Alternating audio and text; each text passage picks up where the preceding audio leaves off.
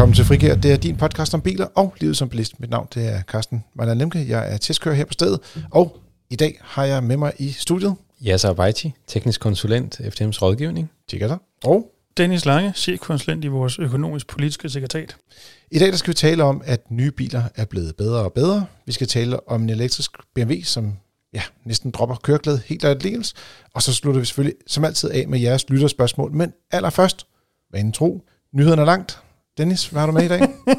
Skal vi ikke se, om vi kan gøre det kort, bare for en gang skyld? vi satser på en kort en. Øh, jeg har taget en øh, clever nyhed med. Vi snakkede for, ja, det kan jeg ikke huske, nogle afsnit siden, om øh, den her øh, prisstigning energitillæg, som øh, Clever- Midlertidig energitillæg kalder de det. Ja, lad os kalde det. Lad os se, om det bliver det. Øhm, og i forlængelse deraf, der har vi her i FDM været i dialog med øh, Clever, fordi de kunder, som Clever har, som er i bindingsperioden, altså de første seks måneder af øhm, aftalen, der mener vi, øhm, at der kan Clever sådan set ikke bare hæve prisen, som de jo har gjort med det her energitillæg. Det har vi haft en, øh, en snak frem og tilbage med Clever om, øhm, og bundlinjen er sådan set, at øh, Clever har indvildet i, øhm, at øh, lige præcis de her kunder, altså dem, der er i bindingsperioden, de slipper for, Mm. for den her for energitillægget, så længe at de er i bindingsperioden. Og det er klart, at dem, der indgår nye aftaler i dag, de vil selvfølgelig være på de nye betingelser. Ja, Ja, men det er dem her, præcis. som har indgået en aftale på gamle betingelser i Ja, virkeligheden. altså som vi læser Clippers egens betingelser, så kan de simpelthen ikke hæve prisen i den her bindingsperiode, øhm, og det er så det, vi har haft en, en snak frem og tilbage om. Og så er der også en anden ting øh, for alle de andre, og og det skal man sige, hvis vi går ud og siger på dem, der så ikke er i bindingsperioden, mm. Der har de jo så mulighed for at sætte deres abonnement i bero. Ja, Det det, det har man faktisk en- også, som jeg har forstået det, selvom du er i bindingsperioden, kan du også sætte Ja, tror- Det giver Det, det vil Klipper nok også være glade for. øh, ja, præcis. Så-. Øh, men ja, det er rigtigt. Du kan, øh, Men det er en mulighed i hvert fald. Ikke? Du kan sætte det i brug, og du kan også øh, nemmere og billigere komme ud af aftalen, hvis du gerne vil det, og så videre. Men Det, ja, det, lad, lad os ikke rive op i alt det en gang til. Det har vi snakket om før. Man går ind på fdm.dk og læser artiklen der, så vil man jeg godt hele vide. Ja. Tjek. Jeg har også en nyhed med om øh, autostoltest og øh, en ny autostol. Øh, for første gang ser vi en øh, autostol med airbag, indbygget airbag i autostolen. Og det er super spændende. Det, det var nyt for mig.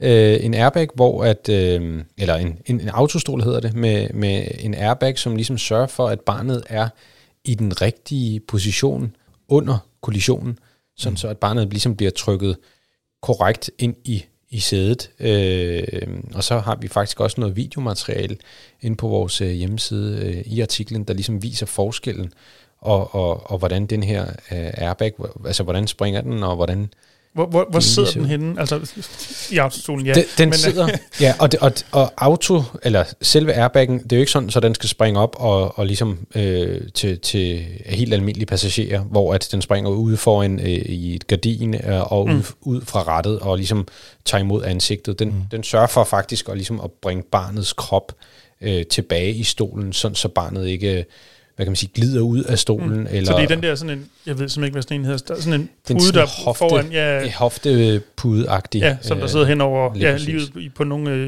lige børn præcis. i Og, autostol. Og så Ja. sidder den sådan op mod brystet på, på barnet. Mm. Ikke? Øhm, og det er... Så sådan en, øh, nu læner du dig tilbage funktion. Ja, lige præcis. Men, men det, er, det er fedt, at, at, at man igen kan optimere på sikkerhed. Øh, Det er også ret interessant, ikke? fordi at øh, den, den går faktisk allerede fra, man er omkring, jeg tror, de skal være siger, over 15 måneder. Det vil sige, det er ret tidligt i autostol-universet, at man kan bruge den. Og så helt op til, barnet er op til 6 år, står der. Det er nok Ja. lidt afhængigt af, hvor meget de vokser. Ja. Men, øh, og så den fremadvendt, hvor tidligere har vi haft mange bagudvendte autostole. Ja. Så det synes jeg faktisk er ret interessant, at man så siger, at det her det er jo den mest sikre, der nogensinde er testet, mm. og den er faktisk fremadvendt. Mm. Øh, og den kan faktisk du over en ret lang periode, hvilket også er heldigt, fordi at prisen så også er, øh, jeg mener det er 5.600 eller 5.700 kroner. Kan man i virkeligheden sætte en pris på sine børns sikkerhed? Ikke når man ser videoen. øh, eller rettere sagt, det kan du godt. Mm. Mm. Øh, og så sætter du pris på dine børn, hedder det. Øh, øh, ja, øh, så er værsgo at betale. Ikke? Ja. Men jeg vil bare sige, det er jo fedt det her med, at den så rent faktisk kan virke over en, en længere periode. Ikke? Ja. Mm. Og jeg tænker, der er vel også noget, den rent faktisk kan bruges af flere, når den er f- øh, fremadvendt, forstået på den måde, den kan fysisk være i flere biler, hvor de Ja. bagudvendte godt kan knibe lidt, i hvert fald i mindre biler. Jeg vil sige, jeg har prøvet at sætte øh, bagudvendt autostol i rigtig mange biler efterhånden, fordi mm. Når vi tester biler, altså vores store test, har vi altid billeder af, af de her autostole i. Og der er mange biler, hvor der er, de driller. Altså, mm. fordi du har den her støttefod foran øh, den store base, ja. som så er ekstra lang, fordi du har den her øh, funktion med, at du typisk har sådan en rotation, hvor der, øh, Ja, så der stolen enten kan vende den ene eller den anden vej. Ja. Ja, lige Ja. præcis. Den kan lave sådan en 360 graders løsning der nogle gange. Ikke? Mm. Øh, og der vil jeg sige, nu har jeg jo så monteret den her bil også i den seneste gruppe, øh, stortest, vi har lavet. Mm. Og, øh, og, og der er altså ret god plads. Øh, så det, det vil kunne være i mange flere biler. Ja. Og det er fedt, øh, hvis, hvis man også er på udkig efter en ny autostol, eller jamen det kunne godt være, at man skulle give nogen en gave eller et eller andet, så har vi også en, samlet en test, øh, som man kan gå ind og se på vores hjemmeside, hvordan de her forskellige autostole, de klarer sig. Øhm, Ja, det er, er det ikke i alt et par 30 stole, stole, vi har testet, eller fået testet, som jeg lige husker det? Det er sådan, at navnet er Cybex Anoris T. Så hvis du er på jagt efter en øh, autostol, så skal, du, eller, så skal du gå ud og købe sådan en. Det lyder, Det som, noget, som- det lyder som navn på en campingvogn. Ja, eller et eller andet, øh, øh, hvad er det, T-Rex, eller jeg ved ikke, det, det lyder meget specielt, ikke? Sådan en cyborg. Ja, ja. Men om ikke andet er det en måde, man ligesom kan passe på sine børn. Jeg synes også, det er interessant det med i gamle dage, da jeg havde børn, det var, det var altså for 6.000 år siden, ikke? Mm. Øh, Gamle der, Carsten. Ja, ja, gamle, gamle Carsten. Men så havde man sådan nogle, øh, ligesom sådan nogle HC, eller ligesom racerbilerne, som Mm. blev sådan samlet nede foran og blev sådan sat fast. Og her der er det bare ligesom, om du får den der pude, du snakker om, den, der ligger foran maven, Ja. øh, og den bliver så spændt fast med, med sådan en sikkerhedssele. Og Så er altså det ikke bilen sikkerhedssel, men, men Nej, stolen men, men sikkerhedssel. autostolen har Ja. sådan en sikkerhedssele for den der pude, Mm. så den ikke ryger væk. Ja. Og finten er jo, at fordi airbaggen jo blæses op, så behøver de ikke at være endnu mere spændt fast. Så de kan jo sidde og bevæge sig altså, Ja, lidt fordi mere. du airbaggen ved. trykker dem fast, når det er nødvendigt. Ja, fordi overkroppen er måske lidt mere fri i forhold til i gamle dage, hvor de ligesom blev trykket tilbage af de her seler, som sad op omkring øh, skuldrene. Mm. Så jeg tror også, at der vil være lidt mere behageligt for børn i hvert fald at sidde med det. Jeg, har, jeg kunne ikke sætte mig i den, fordi jeg er trods alt ikke øh, under 6 år gammel. Så skal vi igen tale om din krop og, og sidepositioner, Carsten? Tilbagevendende tema. Jeg synes hellere, vi skal tale om øh, klassikere i kamp på øh, FDM Jyllandsringen. Øh, det er sådan, at her i, i weekenden 21. 22. maj, der kan du opleve øh, klassiske racerbiler på FDM Jyllandsringen. Og det er biler fra 1947 og frem, som øh, kommer ud og, og kører lidt. Så hvis man er til lidt motorlyd, så kan man komme derud og, og ligesom opleve Fordums spændstige racerbiler. Dengang man byggede rigtige biler. Det kan man godt sige. Jeg må sige, at personligt kan jeg rigtig godt lide at se de biler, også fordi de er meget forskellige, og de bevæger sig meget mere end moderne biler. Og dækkene er typisk en lille smule dårligere, selvom de kører på ret moderne dæk også der. Så er dimensionen jo lidt anderledes, end den er på en, på en ny racerbil. Så, så det er noget forskelligt, man kan opnå der. Ja, ja, man siger, jeg har hørt nogle gange nogen sige, at jeg skal overhovedet ikke komme til dommer for, om det er rigtigt, men racerkører fra dengang, det krævede væsentligt mere i, i, i arbejde og øh, muligvis også talent at rent faktisk holde bilen på banen, end en moderne racerbil gør. Jeg ved ikke, om det er rigtigt, men det har man da hørt. Ja, Og, og det kan godt være, det er de gamle racerkører, der påstår det, jeg ved det ikke. Ja, de, de sagde selv, at de var fantastiske. Ja, præcis. men men øh, der er ikke nogen tvivl om, at, at bilerne var dårligere. Mm, Øh, ja. og, og hvad det er derfor så var det også sværere at, ligesom at styre dem og mestre dem. Men det er også det i noget af det sjove eller spændende er at se, når der er nogen, der laver en fejl, fordi at ja, hvis bilen bare kører, så kører den, ikke? Men for dem, der er interesseret i det, øh, og som ikke øh, skal ud og købe en autostol, eller opsige deres klipperabonnement, eller sætte det i bog, så øh, kan man komme ud og se lidt raceløb i, i weekenden.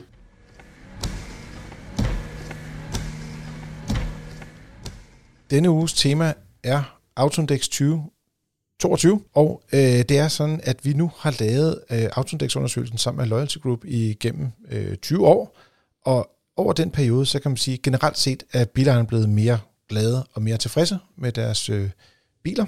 Jeg tør godt, uden at i, i, i våge det øre, sige, det hænger nok også sammen med, at bilerne generelt var bedre. Det gør det.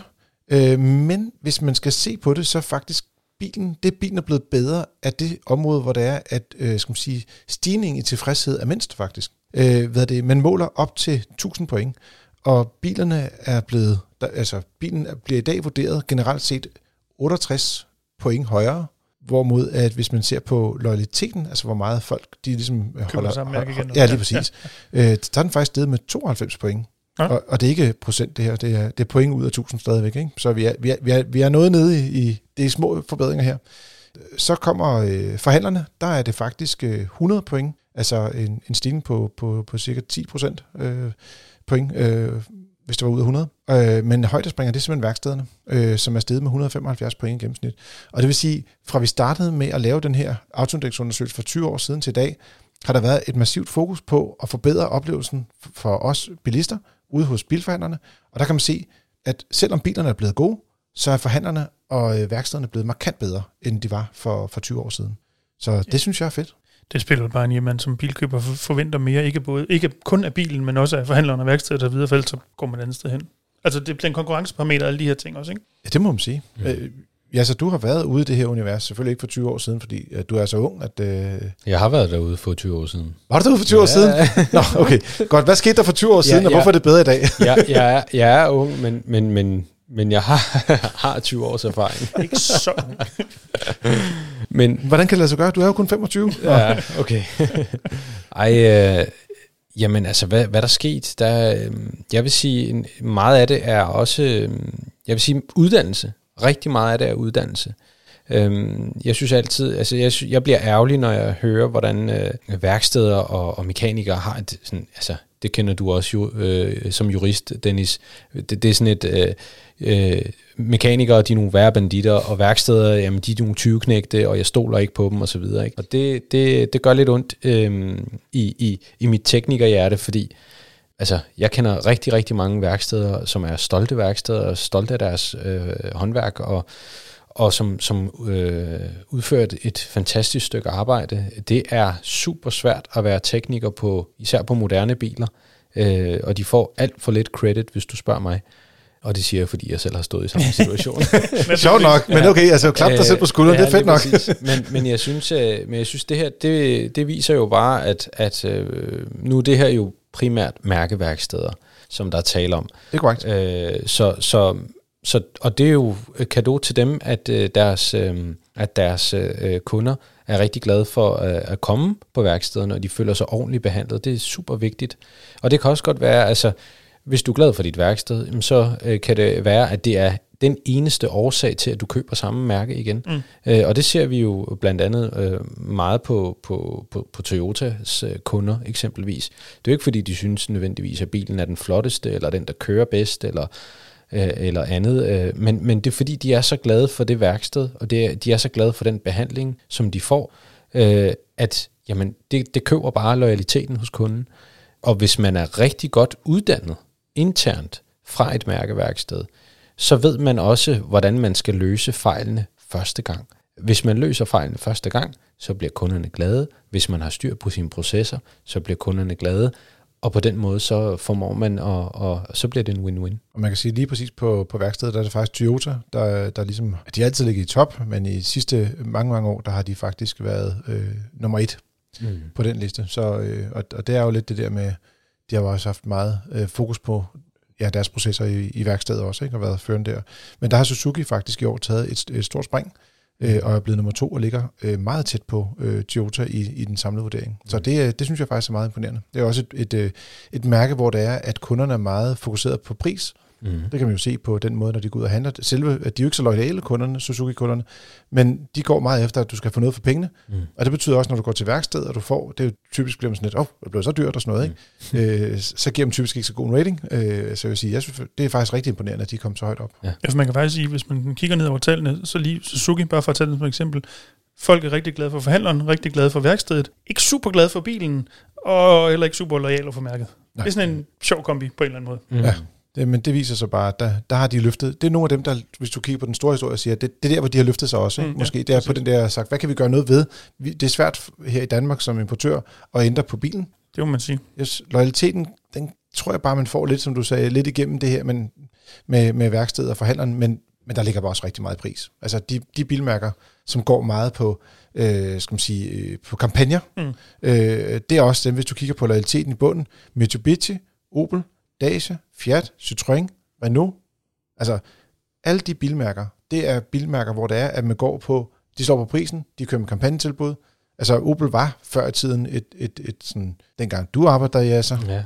godt mærke. Nej, måske lidt hårdt sagt. Men, men der kørte de ikke helt så meget på hardcore kampagnepriser. Det gør de nu, mm. og det tror jeg koster dem lidt på loyaliteten. Altså, øh, ja, for man kan jo sige i hvert fald, når, når din primære salgsargument er pris, så får du også en bestemt type kunder, altså dem, der går efter pris. Og når der er en anden, der har noget, der er billigt, så går de derover. Sådan meget firkantet set, ikke? Skal vi være frække og kalde det storytelling, eller det her med, hvor det er, at når folk de går ind, altså der med, hvem er det så, der har den højeste loyalitet? Det er BMW, Mercedes, Tesla, Volvo, Toyota, Audi. Altså, Toyota... Ej, tag lige Honda med.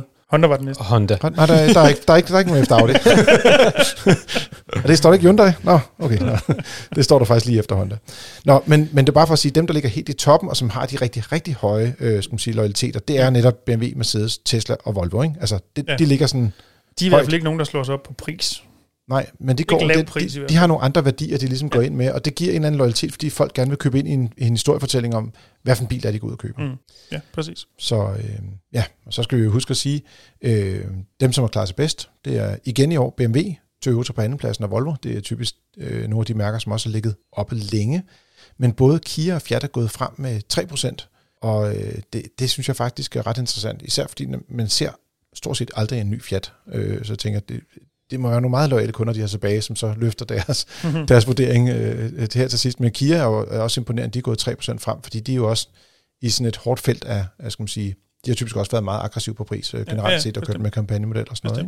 Bestemt. Et af de mærker, som jeg synes øh, øh, sprang i øjnene for mig, da jeg sådan lige kiggede ned over det, øh, det er et mærke som Tesla, som har sådan lidt en øh, skizofren tilværelse på de her målinger. Mm. Mhm. Forstået på den måde, hvis man kigger på oplevelse af bilen, så ligger de i den øverste fjerdedel, cirka. Øhm, og hvis man kigger på loyaliteten, der ligger de også pænt, der er de faktisk nummer, hvad bliver det, nummer tre. Men når du så du kigger på vurdering af værkstedet og vurdering af forhandleren, så ligger de bogstaveligt talt i bund. Mm. Men det er jo også fordi, de har valgt at køre en anden model, som jeg tror, nogen køber helt vildt meget ind på, og andre slet ikke gør. Altså, du køber faktisk bilen på nettet. Mm, ja, ja. Øh, du kan godt gå ud og se den hos nogle enkelte forhandlere, dem er der ikke så mange af. Øh, jeg har da også læst på nettet nogle steder, hvor folk de sådan tilbyder deres private biler til udlån, så folk kunne prøve en bil bare for, og du ved, øh, ja, det vil man nok ikke gøre i dag med de her regler, der er omkring vanvidskørsel og så videre, men det gjorde de alligevel for, øh, indtil for nylig i hvert fald. Mm.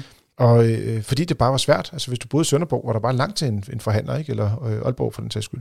Mm. Så øh, jeg tror, det er lidt der, den del ligger, og så deres værksteds, eller måde at køre service på bilerne er også meget anderledes. Ikke? Altså, de kører også med de her, nogle ting, synes jeg faktisk er meget sjovt, de, at de kommer ud og laver service på bilen, hvor enten står. Mm. Altså, det er, jo, det er jo sådan en helt anden måde at tænke det på. Men du har bare ikke den der traditionelle fornemmelse af, at du mødes med et værksted, og der er ikke så mange værksteder heller, øh, altså fysiske værksteder over hele landet. Nej. Det vil sige, det, det, det tror jeg er sådan nogle ting, der kommer til at trække lidt ned.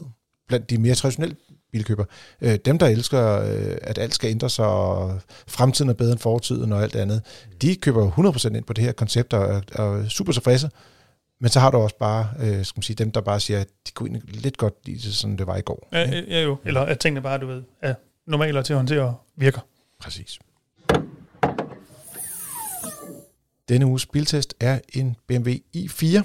Øh, jeg ved ikke, hvad man skal sige, sådan, øh, når man... En bil, vi næsten ikke har snakket om. Nej, det, det har vi også snakket en del om, faktisk, for at være helt ærlig. Nå, nå men det, så går vi videre. Nej. nu har vi rent faktisk haft den til test. Øh, vi har faktisk kørt den op mod en, øh, en Tesla Model 3 Performance. Og øh, det er jo to meget øh, forskellige biler, selvom de øh, skal man sige, ligger prismæssigt tæt på hinanden og har samme skal man sige, udtryk i virkeligheden. Men en ting, der overraskede mig helt vildt, det var, at jeg synes, at det var blevet sådan lidt mere en komfortbil, end det var en, sport, en sportslig bil, kan man sige. Mm. Og ikke fordi den ikke er hurtig, fordi den går stadig 0-100 på under 4 sekunder, hvilket er den grad acceptabelt. Mere end rigeligt, kunne man næsten. Mere end rigeligt kan man godt sige. ja. Altså, det, det har jeg i hvert fald ikke råd til rent kørekortmæssigt. så øh, på den måde er man altid glad for at aflevere sådan en bil videre, når man sagt, nu har man kørt med den en uge, så videre. Mm. Men jeg kørte faktisk, øh, jeg tror jeg kørte 1500 eller 2000 km i den. Jeg var to gange i Jylland i den på langtur, og den var simpelthen fantastisk. Altså, styreassistentsystemet fungerer helt vildt godt. Og en adaptiv farpilot fungerede rigtig godt. Og så havde den også øh, tilkøbt de her laserlygter. Øh, og der sad jeg sådan og holdt øje med øh, 100 meter pælen inde i siden, og så så, hvornår den begyndte at lyse op på skilte i horisonten. Og det var typisk omkring 700 meter før. Øh, altså, så begyndte øh, skal man sige, strålen at komme frem, ikke? og man begyndte at kunne se øh, de hvide pæle ude i, i siden af, af motorvejen og sådan noget. Mm. Øh, samtidig med, at den hele tiden øh, masker modkørende af, altså de har adaptiv øh, funktion i, i forlygterne, som gør, at modkørende ikke bliver blændet, selvom du kører med langt lys.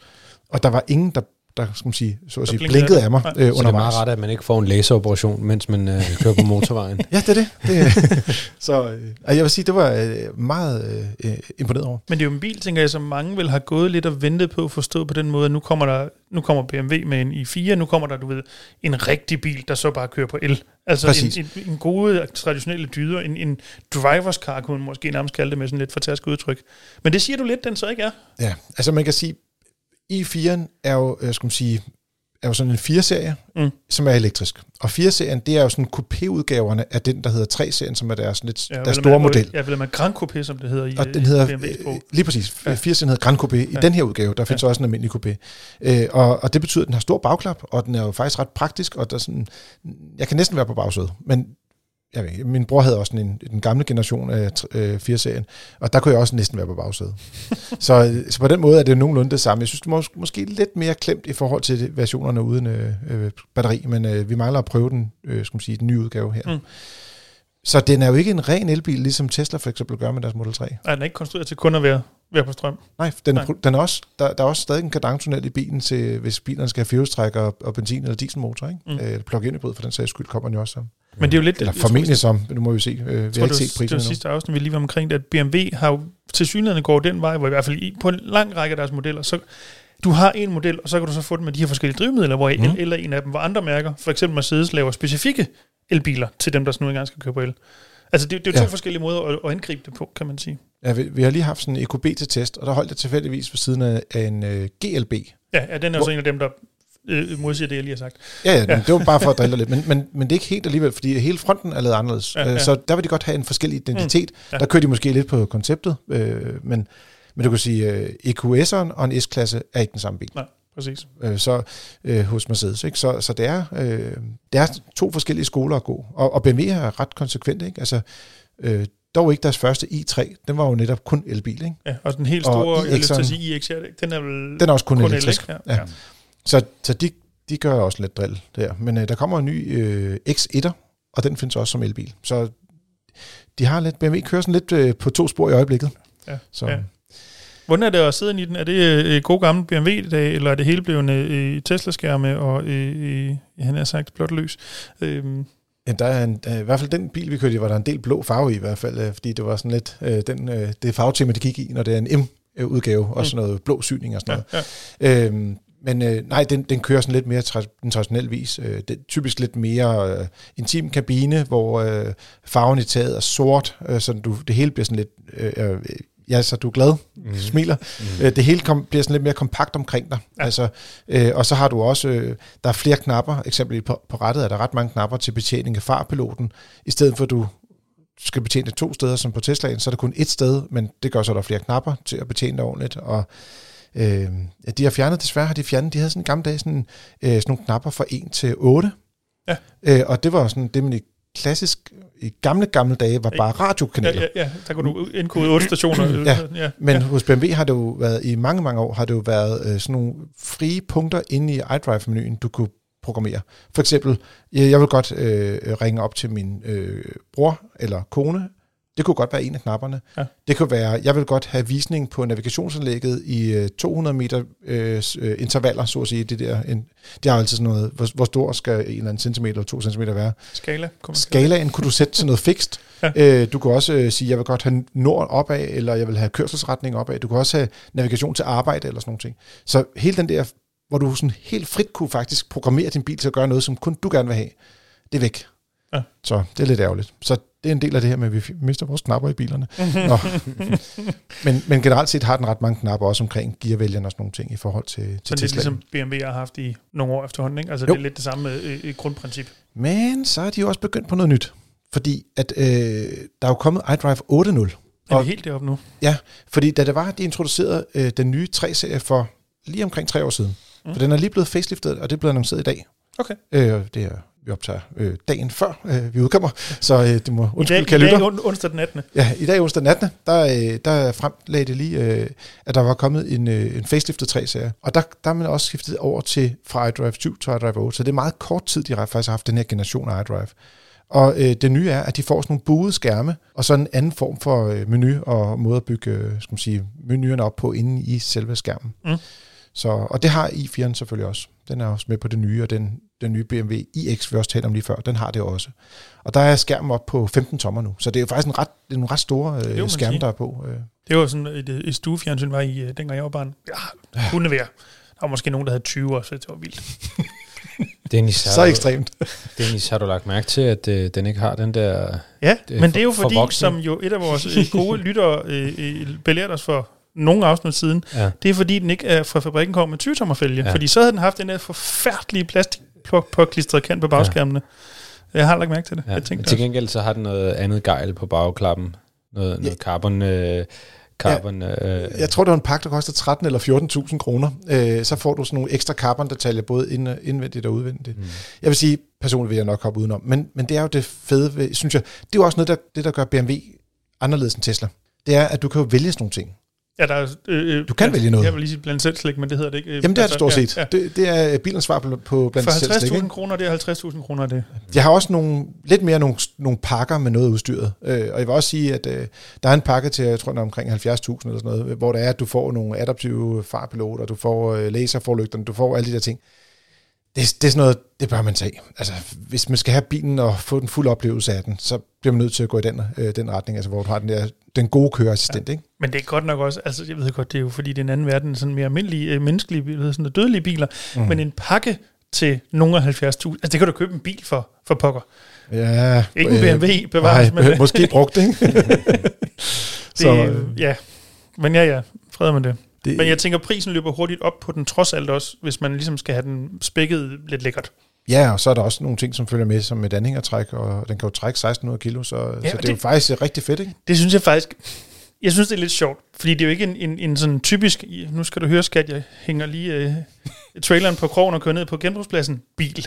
Altså, det er en 4 Nej, nej. coupé for pokker. Ja, det præcis. mindede mig lidt, og det, det er lidt et sidespringer til det viser også en anekdote. Dengang jeg var ung, der kørte jeg post øhm, ude på landet, og der øh, ude, langt ude, i, der var der nogen, der, øh, øh, jeg, jeg tror aldrig, jeg mødte dem, men det er også ligegyldigt, de havde en øh, Chrysler Stratus Cabriolet.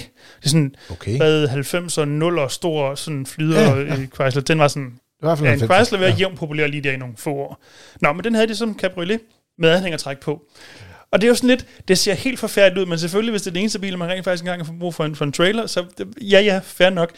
Men der er faktisk noget grundlæggende forkert i det. Og det jeg synes jeg også måske lidt er med et hængertræk på en i 4. Det er ikke sådan, ikke lige til højrebenet, trods alt. Nej, men det er meget praktisk. Øh, jo, jo, Og bevares. det, og det sjove er, at når man kigger på deres pakker med hvad- det udstyr, du får, så kommer det anhængertræk, det kommer stort set på en af de allerførste pakker. Så, så det er sådan, jeg tror, de er virkelig prioriteret, at folk skal have mulighed for at få det.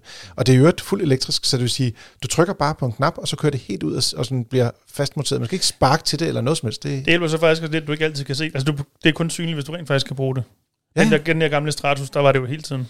Det er lidt en uheldig, øh, skal man sige, en uheldig øh, måde at gøre det på. Ja. Men jeg vil sige, øh, trods øh, imponerende elektriske øh, træk, så synes jeg faktisk, det mest imponerende ved bilen, det var, at øh, vi lavede de her rækkeviddemålinger på motorvej, og der var 15 grader den dag, vi kørte, og det påvirker jo en lille bit smule er øh, stadig det rækkevidden. 110 I kører med, ikke?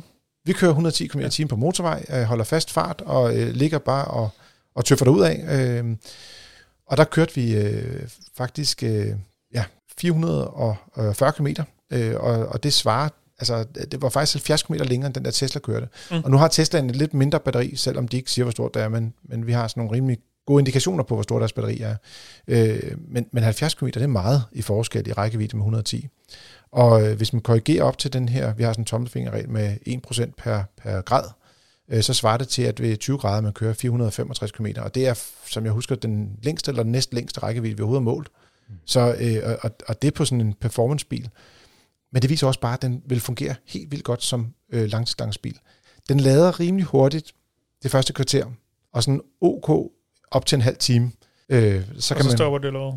Ja, så falder det meget. Altså jeg vil Ja. sige, den, jeg vil sige det, det, det første kvarter, der der virkelig sker noget, der får man faktisk næsten 40 kWh, og så får du kun øh, 20 kWh ekstra ved at, at holde yderligere et kvarter. Ikke? Mm. Så man kan godt se, at der er stor forskel på at gå helt i bund på batteriet og lade, lade til, mm. eller, øh, skal man sige, eller holde lidt længere tid. Men jeg sagde, du, også, sagde du, hvor stor batteriet var? Hørte jeg ikke efter? det er på 81 kWh. Så et relativt stort batteri. Det er ja, netto, ja. Ja. så det er et ret Ja. stort batteri, øh, bilen har. Øh, men det er jo klart, det skal der også til, for at du får øh, så lang rækkevidde, som man har her. Selvfølgelig. Jeg, Så- jeg blev glad i låget, da jeg så den der bil. Jeg, det, det, jeg synes, den er fed. Jeg synes, den er mega fed. Og du, nu har du været på bane, og, og Ja. du, du kritiserer den lidt for dens køreegenskaber, som sagt.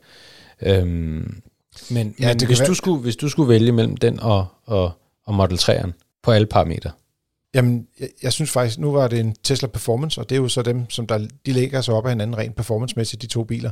Øh, og, og selvom Teslaen er rigtig fed på, jeg skal sige, vi var på FDM Sjællandsring og gav den fuld gas, og den havde nerve i rettet, og den styret ind med det samme, og bagenden var lidt løs og stod. Det er skide sjovt, når du kører i 10 minutter. Mm. Men så øh, den tur, hvor det var, jeg skulle køre øh, til Herning tilbage, til Silkeborg tilbage, der var jeg simpelthen så glad for at køre den her BMW. Jeg synes, den er fantastisk, fordi det kan godt være, at den ikke har køreglæde, ligesom BMW'erne havde i gamle dage, hvor der var, at du havde den seksblødende rækkemotor, du havde et styretøj, der var, var tungt og havde god vægt, og man sådan havde fornemmelse af, hvor du kørte hen af. Øh, det er lidt mistet i den her transition øh, i e i 4'eren. Men det synes jeg lidt, det gør egentlig ikke så meget. Altså for mig, jeg, jeg, jeg kunne rigtig godt tænke mig sådan en bil her. Jeg kunne måske endda overveje at tage den i basisudgaven i stedet for øh, topudgaven. Så får man så dog kun bagstræk. Øh, lidt længere rækkevidde faktisk, øh, i hvert fald officielt. Mm. Øh, en, en del længere faktisk, og så sparer man 100.000 kroner på øh, basisprisen. Øh, der er så også en del udstyr, som så ikke følger med, øh, fordi at øh, den her topmodel har også selvfølgelig M-pakke og lidt mm. anderledes øh, Alcantara-sæder som standard og sådan noget. Men jeg som, tænker, det kan man stadigvæk tilkøbe i, i løs vægt, hvis man absolut skulle, i, i vis udstrækning i hvert fald. Det, det er bare 100.000 kroner i øh, BMW-universet. der kommer man ikke Det så langt. man ikke langt. Halvanden side. det, er det. Om det er også det, så, der, og så får du heller ikke hestekræfterne, så Mm, amen. ja, i den sidste ende kunne det godt være, at man alligevel hoppede på øh, skal man sige, topmodellen. Den har netop også øh, adaptiv støddæmper, som jo nok også er en, en af forklaringer på, at den kører så komfortabelt på langtur. Mm. Mm. Altså, så fed bil. Øh, hvis du har øh, cirka 600-700.000 kroner, så øh, er der fem stjerner på vej til en BMW i4. Så er det tid til jeres lytterspørgsmål. Keep sending til podcast Skriv jeres spørgsmål, om I nu skal ud og have en ny bil, øh, I har problem med jeres oliepind eller noget helt fjerde. Første mail har vi fået fra John. Han skriver, hej FDM, jeg sidder her og kigger i det nye motor om vanvidskørsel, og har aldrig tænkt, at det skulle være relevant for mig, men når jeg ser, at det kategoriseres som vanvidskørsel at køre, når man er træt, så bliver han lidt bekymret, fordi at han har faktisk været på treholdsskift i mange år, og han vil lyve, øh, hvis han påstod, at han ikke engang imellem havde været træt, når han har kørt øh, hjem. Men heldigvis uden held efter en nattevagt. Og øh, jeg vil sige, en anden ting, der lige slog mig med, øh, bare lige for at gå i en fjertangent, så er det, øh, at det, den primære årsag til vanvidskørsel er ikke hastighed, men det er mod Spiritus. spiritus. Ja. Yes, godt. Så fik Altså jeg det i på forhold plads. til dem, der blev stoppet for konfiskeret biler, hjerte, hjerte, hjerte. Ja, Præcis. Ja. Men Dennis, vi, vi lander en lille bit smule, tænker jeg også, over i dit univers, det her med, fordi det, det, lander det, det er dig, der... også, var jeg lige ved at sige. Nej, jamen, jeg synes, du, det, det er primært dig, der er ekspert i vanvidsbilisme. ja, jeg har da heldigvis Ej, aldrig selv øh, udført det. Jeg har absolut ikke nogen plan om det. Nej, men jeg tænker, du har stor erfaring øh, og, og gode kontakter og beskæftiger dig til hverdag med alt omkring færdsel og lovgivning, og har også gode kontakter til vores venner i Råd for Sørge. Sikker Trafik hedder det. Det er nemlig rigtigt. Yes. Øh, jamen, jeg synes, vi skal starte et sted, så det er jo ikke hele sandheden, når John skriver, at det kan være vanvidskørsel at være træt, når man kører. Øh, fordi bare det, du er træt, kvalificerer mm. ikke nødvendigvis som vanvidskørsel.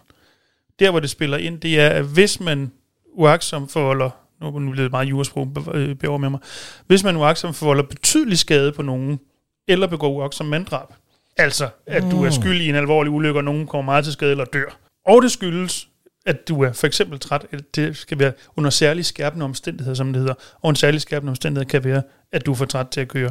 Så er det vanvidskørsel. Så man kan sige, hvis du er træt, og det øvrigt går godt, så er det ikke vanvidskørsel. Det er stadig relativt dumt, øh, men det er ikke mm. vanvidskørsel. Men der er jo nogen, som har øh, natarbejde, og som kører hjem øh, på tidspunkter, hvor der er, man må anerkende, altså, øh, øh, det kan være en sygeplejerske. Øh, Jo, jo. øh, Det kan være, øh, der er mange forskellige, som har jobs, som er, er, skal man sige, hvor de har vigtige funktioner i samfundet, og vi kan ikke undvære sygeplejersker om natten, for eksempel. Altså, Eller det skal være. men jeg tror måske- på aftenshold.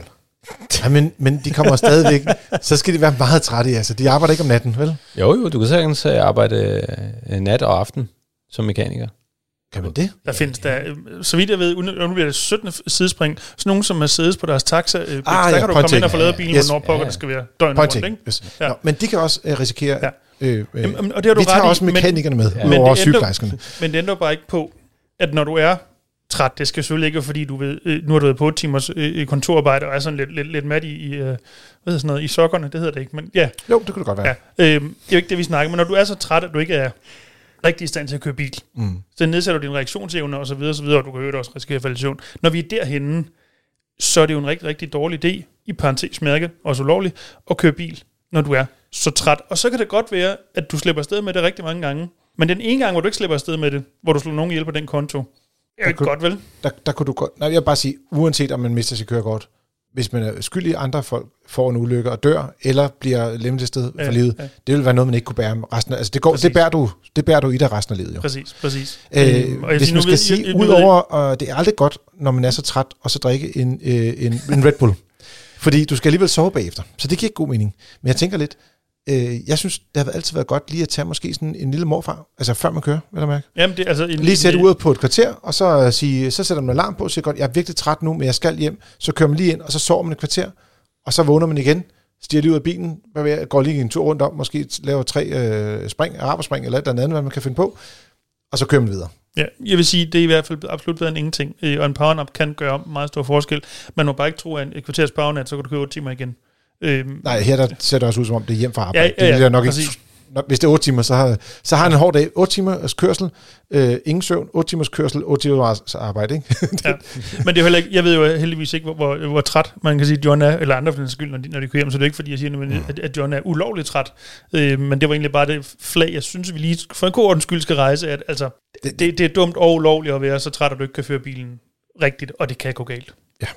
Men det er ikke sådan, det er ikke form, altså det er ikke sådan, at man siger, fordi du er træt, så får, bliver du dømt som vanvidsbilist. som Nej, nej, nej, du, du skal, det skal som sagt, øh, der skal en, en alvorlig ulykke, og så, så, hvis det er på grund af, at du har været træt, så kan det være vanvidsbilisme. Check. Så tak for lidt død, Dennis. Det er længe siden, vi har fået noget død. ja, det er jo åbenbart min afdeling.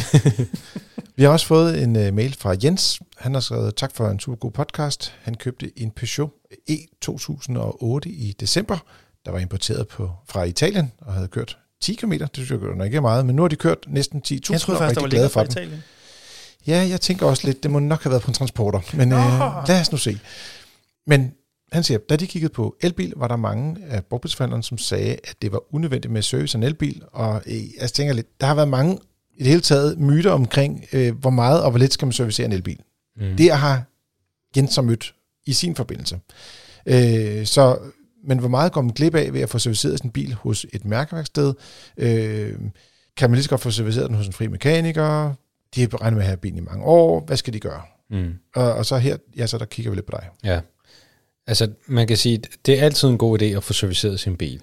Og vi anbefaler, at man servicerer sin bil efter fabrikantens forskrifter. Dels er der en, øh, en fabriksgaranti, som skal opretholdes, og den får man opretholdt ved at følge fabrikantens anvisninger. Ja, parentesmærke kan der så lige det her konkrete tilfælde, fordi han har importeret den fra Italien, uden at kende de betingelser ved, at der rent faktisk ikke er nogen fabriksgaranti på den. Øhm, altså i det konkrete tilfælde. Okay. Men, det er det, som vi før snakker om, når du importerer biler, så vælger opmærksom på garantien. Der kan være et issue. Det er ikke sikkert, at den følger med, så at sige. Nej, selve garantien. Ja, Men præcis. uanset hvad, så kan det være en god idé at servicere bilen. Enig. Lige præcis. Og, og man kan sige, med, med, med biler, som, som har meget øh, øh, teknik øh, og, og lidt mindre mekanik, jamen så er der nogle andre ting, som, som også kan være en, en god idé at få med, og det er blandt andet sådan noget som softwareopdateringer. Det kan være mindre forbedringer, øh, og det synes jeg ikke, man skal gå glip af.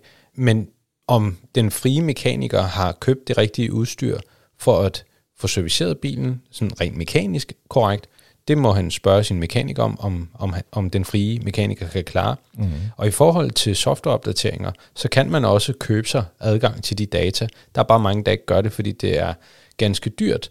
Så det skal man høre øh, igen, det her frie værksted. Har de mulighed for at få de nyeste softwareopdateringer? Øh, så, øh, så vil jeg ikke nødvendigvis være bekymret for at anvende et frit værksted. Men det er generelt øh, mærkeværkstederne, der er specialiseret og ved, hvad er det sidste nye, og, og, og i og med, at det her det er en elbil, jamen så er der øh, højst sandsynligt løbende softwareopdateringer til den, mm. på forbedringer på, på, det kunne være på, på øh, øh, drivlinjen, det kan være på klimaanlæg, det kan være på mange ting. Jeg er ret sikker på, at der er lige præcis på de her E208 og E2008 fra Peugeot, at der kom en øh, opdatering her. Øh, ja, var det her i vinter eller sådan noget, tror jeg, var i januar eller februar kom der en opdatering. Så det er jo sådan nogle af de ting, man skal være sikker på, at man kan få. Mm. Øh, men der kan også være nogle andre ting, fordi nogle gange så er der nogle fejl på biler, så kommer der en øh, indkaldelse øh, via øh, skat eller øh, mm. motorregistret. Mm. Øh, og øh, er det motorregistret Ja, ja, eller skat? ja. ja, motor, ja Yes. det, det er En, en, en, en, off, en offentlig myndighed ja, Ja. sender noget ud, fordi de siger, her er der en sikkerhedsmæssig øh, øh, fejl på bil, som bedres. Motorstyrelsen, hvis nu vi virkelig, virkelig skal, Mm. så Det tror er jeg, dem, der står for det. Tror jeg. Tjek, tror jeg. Ja. Tror jeg. Øh, Det kan faktisk også være, det er færdigstyret. Nu kommer jeg i tvivl. Nogen, en styrelse. ja, Ja. Nogen, måske. nogen, nogen styrer nogle mails hen til dig. en eller del af en, staten. en post. Ting. Men andre gange, så kan det godt være, at der er en lille fejl på bilen. Den betyder ikke, at den bryder i brand, men det kan godt være, at du egentlig være glad for, at den bliver fikset. Mm. Og det får man jo så også øh, lavet øh, som en servicebulletin. Er det rigtigt forstået, eller hvad, hvad kalder man det? Mm, det, altså det, det, det kommer an på, altså det, man kan sige, nogle, nogle værksteder, og, og det kommer også an på, hvilken bil og importør og så videre, men så er der nogle ting, som, som hvis en kunde klager over en, en lyd eller en ting, som vedkommende har oplevet på bilen, mm. så kan der være en afhjælpning øh, til, til det specifikke øh, problem. Og det er jo sådan nogle ting, som, som man først finder ud af, når man kommer på et mærkeværksted typisk. For de har de data, og de har de data tilgængelige, og mange gange, når du øh, oplyser dit registreringsnummer, jamen så plukker systemet automatisk. Jamen der ligger tre kampagner på bilen øh, til nogle forbedringer, og så er der øh, nogle softwareopdateringer. Og det er sådan nogle ting, som mekanikeren i forbindelse med servicet får med ud og sige, du skal lave tre kampagner, du skal lave et helt almindeligt service eftersyn, og så skal du lave en softwareopdatering. Og så får du din bil retur. Og så er den up to date og mekanisk også serviceret. Der er vel også, er der ikke stadig nogen mærker, jeg tror ikke alle, men nogle mærker, kan du selv gå ind på, øh, eller typisk importørens hjemmeside, og slå din bil op, og så kan du se, om der er nogen... Det kan man, Øh, øh, det kan man på nogen, det er ja, rigtigt. ja. Så kan du få et... Jeg Øh, kan ikke huske, om Peugeot er en af dem, for at være helt ærlig, men, men nogle mærker kan du i hvert fald selv slå op. Du kan på nogle mærker, det er korrekt. Så, får, så kan du indtaste dit stelnummer, og så kan du, øh, så kan du så få de her oplysninger. Mm. Men, men en ting, som man også skal tænke på, det er, at, at, at de her biler, de kører altså under... Øh, elbilerne bremser ikke særlig meget, og det er der, hvor vi ser de, de største problemer. Det er bremse, mm. øh, bremsefejl, øh, bremser, der er rustne, øh, og, og med skivebremser på bagaksen og, og, og meget rekuperation, jamen så, så kommer det højst sandsynligt til at koste en del bremseskiver, øh, hvis ikke man vel at mærke også få serviceret sit, sit, uh, sit bremsesystem og få det renset og smurt og så videre. Uh, derudover så er der jo også bremsevæske på sådan en bil. Det, skal- det skal jo også uh, udskiftes en gang imellem. Der sidder et kabinefilter i sådan en bil. Nogle biler har behov for uh, udskiftning af kølervæske på uh, batteripakken eller på øh, resten af, af systemet. Så, så i, vi anbefaler klart, at man følger fabrikantens anvisninger. Jamen Jens, så er det bare med at få serviceret din bil, for at være sikker på, at du får en, øh, en god oplevelse også fremadrettet. Du har lyttet til Frigir, det er din podcast om biler og livet som bilist. Husk at give os nogle stjerner og anbefale os gerne til en ven. Du kan sende mails til podcast.fm.dk, hvis du har et spørgsmål, eller bare gerne vil fortælle os, at vi er verdens bedste eller verdens dårligste. Helst Tak. det første. Ja, det, vi, Men- vi tager det, som det kommer. Fair nok, vi tager den anden med. Men tak, Dennis, fordi du havde tid til at være med denne uge igen. I lige måde. Og også til dig, Jasser. Selv tak. Og til dig, kan lytter. Tak fordi du lyttede med, og god tur derude.